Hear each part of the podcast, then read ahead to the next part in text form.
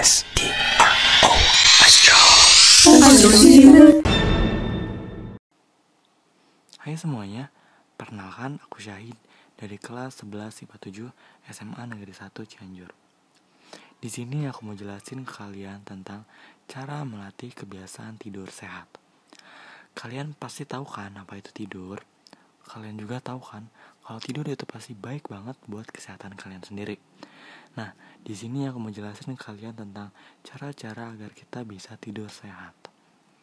Yang pertama-tama, tidur merupakan keadaan fisiologis dari istirahat untuk tubuh dan pikiran. Biasanya, kita tidur pada saat malam hari di mana langit udah gelap. Kadang, kita bakal ngerasa letih atau kecapean setelah melakukan aktivitas di siang hari.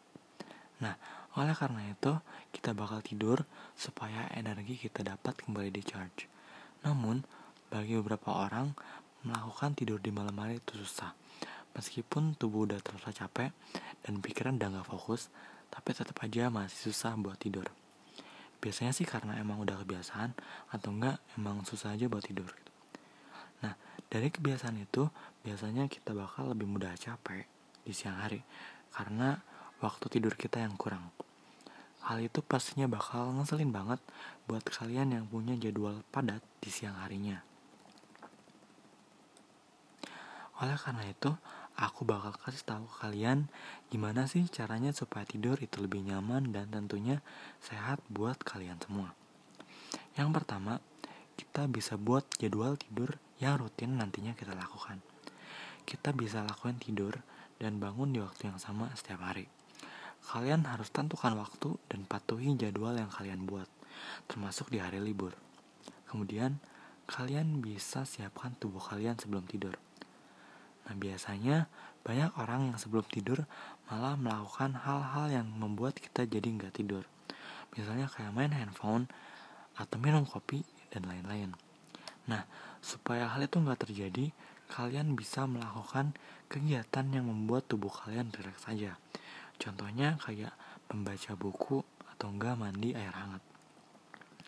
Setelah kalian menyiapkan tubuh kalian, kalian juga harus jauhin alarm dari tempat tidur. Mau itu alarm handphone atau alarm biasa. Supaya jadi kalau kalian bangun tidur karena alarm kalian harus bangun dari kasur buat matiin alarmnya.